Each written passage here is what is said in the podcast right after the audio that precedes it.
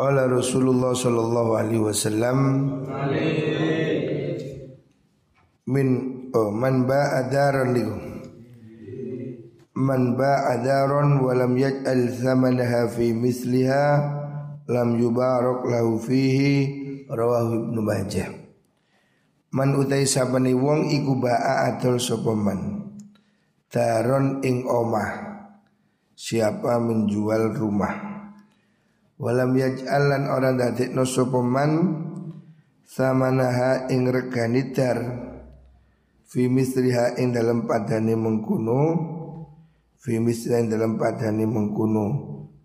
Dar lam yubar mongko ora den berkahi sapa lahuman fihi ing dalam mengkuno saman. Rasulullah sallallahu alaihi wasallam mengajarkan dagang itu hendaknya mengambil keuntungan yang wajar. Di sini disebutkan siapa orang menjual rumah dengan harga yang tidak wajar, dengan harga yang berlebihan, harga di atas pasaran, lam yubarok lahu fihi maka dia tidak diberkahi ya. Artinya itu halal ya, sah ya. Tetapi jual beli yang harganya melangit itu tidak berkah. Jadi sebaiknya jual beli itu ambil untung ya wajar lah 10 persen, 20 persen,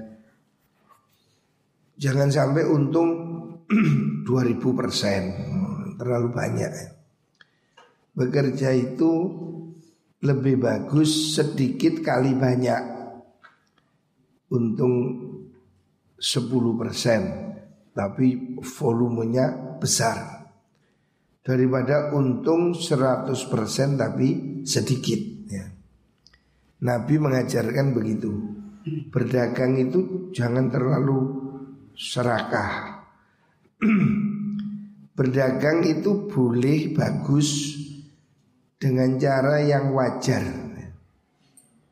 Ini oleh Imam Ghazali disebutkan dalam kitab Ihya juz 2 tentang adab bekerja. Termasuk di situ etika berdagang yaitu berdagang dengan cara yang wajar.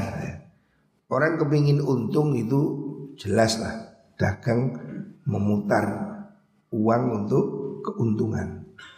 Tetapi keuntungan itu hendaknya tidak berlebihan. Apalagi membuat orang kecewa. Istilahnya itu mempermainkan harga. Mau jualan Indomie kok 30 ribu. Nah itu kan kadang ada penjual tepi jalan narget. Nah itu tidak boleh. Berdaganglah dengan cara yang wajar agar rezekinya berkah. Nah, itu cara yang demikian. Hadis Surwahu Ibnu Majah. Selanjutnya Nabi bersabda, "Min husni islamil mar'i tarkuhu ma la ya'ni." Rawahu Tirmidzi an Nabi Hurairah. Min husni islamil mar'i iku saking baguse islame wong suwiji tarkuhu utawi ninggali almar'u ma ing perkara layak nihi kang ora maedai opo ma hi ing almar'u. Ini hadis yang penting. Rasulullah Shallallahu Alaihi Wasallam mengajarkan supaya hidup ini berarti. Ini termasuk di antara pendidikan akhlak yang penting yang ringkas tapi artinya sangat dalam. Hadis ini menurut Ibnu Hajar sebagai sulusul Islam. Ini sepertiga dari Islam ini ya hal ini ya.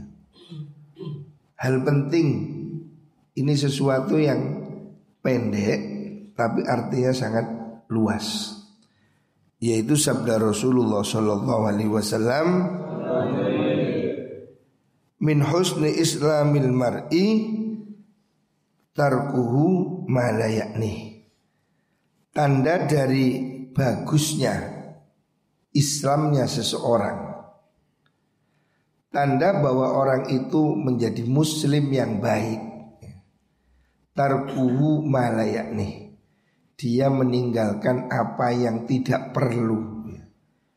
Apa yang tidak perlu dari ucapan. Apa yang tidak perlu dari perbuatan. Apa yang tidak perlu dari sikap. Makanya hadis ini menurut para ulama termasuk inti. Hadis ini adalah kor. Intinya inti. Ya. hadis ini adab ya. Rasulullah Shallallahu Alaihi Wasallam memberikan pelajaran penting bahwa hidup ini harus berarti. Hidup ini harus bermanfaat. Banyak orang hidup. Banyak orang hidup Tetapi tidak semua orang benar-benar hidup.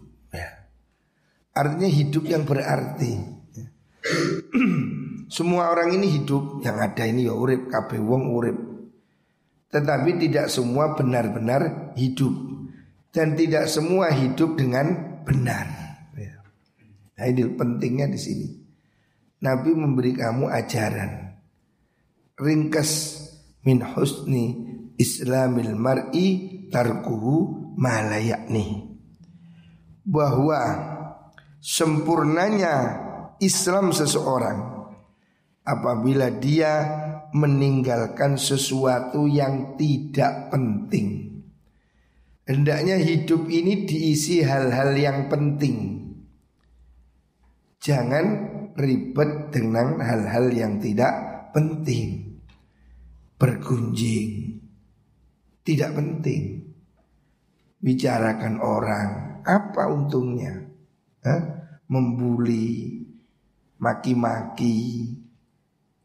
Hal yang tidak penting tinggalkan. Baik itu ucapan, perbuatan, ya. Ataupun sikap Pokoknya yang tidak penting itu jangan diurus.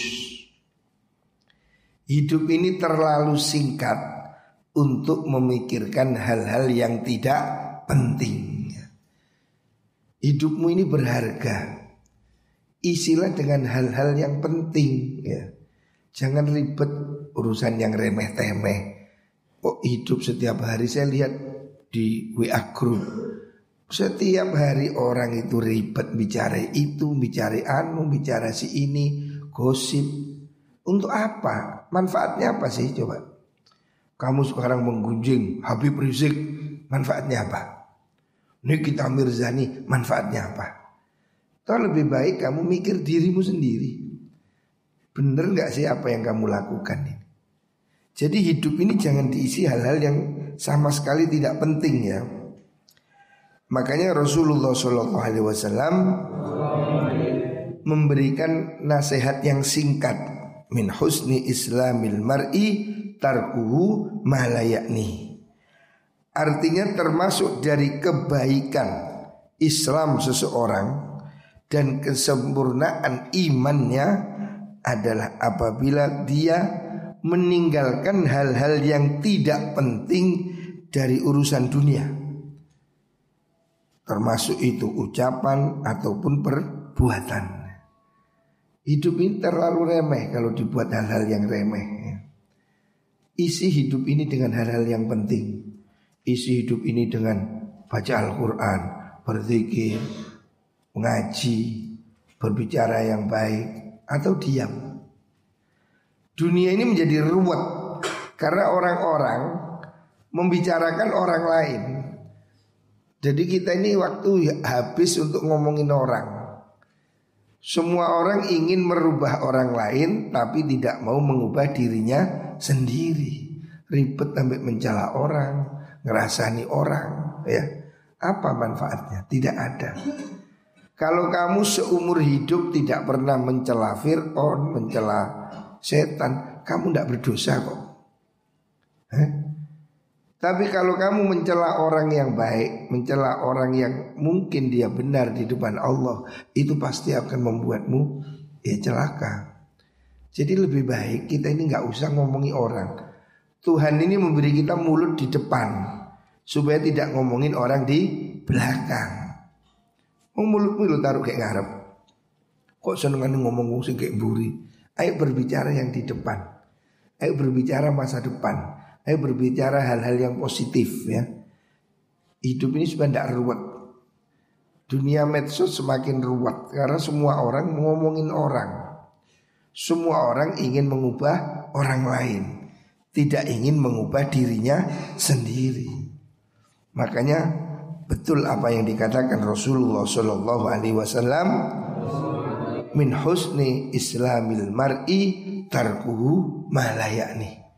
Indikator seseorang itu Islamnya baik dan benar apabila dia telah meninggalkan sesuatu yang tidak penting apabila hidupnya itu diisi hal-hal yang penting, yang positif, yang bermanfaat ya. Apalagi banyak omong itu sangat tidak penting. Gosip, bully itu sesuatu yang betul-betul tidak penting. Kalau ada orang masih seneng gunjing orang, ada orang masih seneng ngomong hal-hal yang tidak penting, berarti Islamnya masih belum benar. Islamnya masih tidak sempurna. Orang itu kalau Islamnya sudah betul, maka hidupnya itu baik. Al muslimu man salimal muslimun. Orang Islam itu orang yang menyenangkan, menyelamatkan orang lain. Mulutnya tidak nyakiti orang, tangannya tidak nyakiti orang, perbuatannya tidak nyakiti orang, itulah orang muslim. Makanya dawuh Nabi ini pendek tapi penting ya. Ini dawuhnya kanjeng Nabi yang disebut dengan Jawa Mi'ul Kalim. Dawuh yang ringkas tapi sangat bermakna. Min husni islamil mar'i tarkuhu malayakni. Indikator Islamnya seseorang telah baik Indikator kesempurnaan Islam seseorang apabila dia telah mampu meninggalkan hal-hal yang tidak penting. Ya. Ini indikator Islam yang benar. Orang Muslim yang baik itu orang Muslim yang sudah hidupnya berguna, hanya melakukan hal-hal yang penting orang muslim yang tidak apa sibuk dengan hal-hal yang tidak penting baik itu omongan perbuatan ya ini yang hidup menjadi ruwet ini semua orang ngomong. Yang bukan ahli yang ngomong ya. Dunia ini akan aman kalau orang bodoh-bodoh itu nggak banyak omong. Sekarang ini kan sih banyak omong kan yang goblok-goblok ini. Waduh ngecerewet kayak manuk. Makanya ada Twitter ngecepret kafe semuanya orang ngecepret. Yo iki sing dunia ruwet ini. Dunia ini akan aman kalau orang-orang bodoh ini tidak banyak omong. Lah repotnya ini orang ini yang semakin goblok semakin banyak omong. Orang itu semakin pintar tidak banyak omong. Tanda nih wong itu tambah bodoh yuk kakian omong, kakian ngilok no wong. Orang itu semakin pintar semakin sedikit mencela orang itu berarti pintar. Karena dia itu berarti punya pandangan yang luas. Itu pintar. Tapi kalau masih suka membuli, suka menggunjing, itu tanda bahwa dia tidak pintar. Nah, ini hadis rawahu at-Tirmidzi. Selanjutnya kanjeng Nabi bersabda, "Man takhatta riqaban nas yaumal jum'ah akhadha jisran ila jahannam rawahu Ahmad Manutai sapane wong iku takhata nglangkahi sapa Riqaban nasi ing pundake menungso Siapa orang datang Jumatan jamaah telat kemudian melangkah-melangkahi orang maju ke depan. Yaumal Jumatin dalam dino Jumat. Artinya siapa orang Jumatan ini datangnya telat tapi maunya duduk di depan sehingga dari belakang nerombol melangkahi orang miyak-miyak itu tidak boleh. Nabi mengatakan ittakhadha monggo ngalap sopeman cisron ing jembatan. Jembatan atau jalur ila jahannam maring neraka jahannam. Jadi tidak diperbolehkan orang miyak-miyak apa cara Indonesia ya apa miyak-miyak. Jadi datang terlambat tapi kepingin duduk depan sehingga ngelangkai orang. Kalau kamu kepingin duduk di depan, ya datangnya lebih awal. Itu sportif. Kamu Jumatan, kepingin duduk depan, bagus. Caranya datang lebih awal. Jangan sudah azan baru datang, mari ngono nginjek-nginjek orang sampai ke depan. Ini tidak boleh ya. Nabi melarang orang melangkah-melangkahi orang lain. Tidak sopan. Ini kalau di Indonesia mungkin tidak seberapa. Kalau di Masjidil Haram ini biasa. Di Mekah karena padat orang dari belakang uh, nginjek-nginjek orang. Nah, itu tidak boleh. Seringkali kan nginjek orang atau melangkai kepalanya orang. Nah kan ya tidak sopan. Pokoknya orang Indonesia pendek-pendek cilik-cilik dilangkai wong kuat di kediu melangkah jendul-jendul ini. Nah itu kan tidak sopan ya. Kepalanya manusia ini kan ada harganya. Mau di pencolot-pencoloti. Nah, Nabi mengajarkan sopan santun. Kalau kamu Jumatan mau duduk depan Kalau kamu ingin dapat pahala Jumatan yang sempurna, duduk di depan. Caranya, datanglah lebih awal. Lah Jumatan ini jam songo wis teko kene lho. Rungokno kupingmu. Azan ke budal. Arek pondoke ngono, arek lang arek masjid cedek ngene. Azan ke nang jeding. Ini salah. Tidak dapat pahala. siapa orang datang Jumatan sudah khotib naik itu bukunya sudah ditutup pahalanya sudah tidak ada jadi kamu kalau mau Jumatan harus sebelum khotib naik ke mimbar kalau khotib sudah naik ke mimbar bukunya sudah dilempit tutup tidak dicatat makanya kalau kepingin dapat pahala Jumatan sempurna datanglah lebih pagi.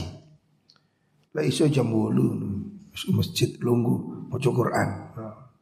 Jam songo. Ojo turu tapi toko masjid kaitan turu. Khutbah mari kait tangi. Loh, kok kan khutbah? Lah kon turu. Datang lebih awal, perhatikan. Hadis Rawahu Ahmad. Selanjutnya Nabi bersabda, man hafadha ala arba'i raka'atin qabla sulati dhuhri wa arba'in ba'daha hurrima ala nar rawahul arbah wal hakim. Rasulullah sallallahu alaihi wasallam bersabda man hafadha ala arba'i raka'atin.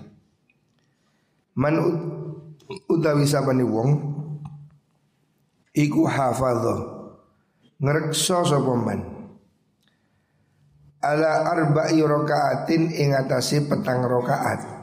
Siapa orang rajin rutin sholat sunnah qobliyah empat rokaat qobla zuhri sak durungi zuhur wa arba'in dan petang rokaat ba'daha sa'usi zuhur hurrima ala nar.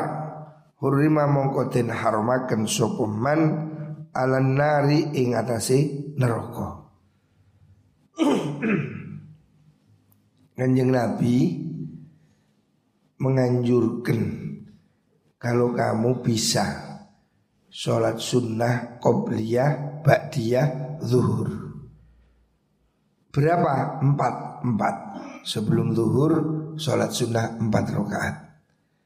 Terus jamaah zuhur setelah itu sholat sunnah empat rakaat. Siapa orang sholat sunnah empat rakaat sebelum zuhur dan empat rakaat setelah zuhur maka dia dijamin tidak masuk neraka. Kalau tidak banyak dosa ya. Dijamin dia masuk surga. Nah ini hal-hal yang enteng. Kalau bisa laksanakan ya. Jamaah zuhur ditambahi qobliyah empat rakaat, ba'diyah empat rakaat. Rawul Arbah diriwatkan oleh Imam empat wal Hakim dan Imam Hakim. Selanjutnya kanjeng Nabi bersabda, "Man taradda min jabalin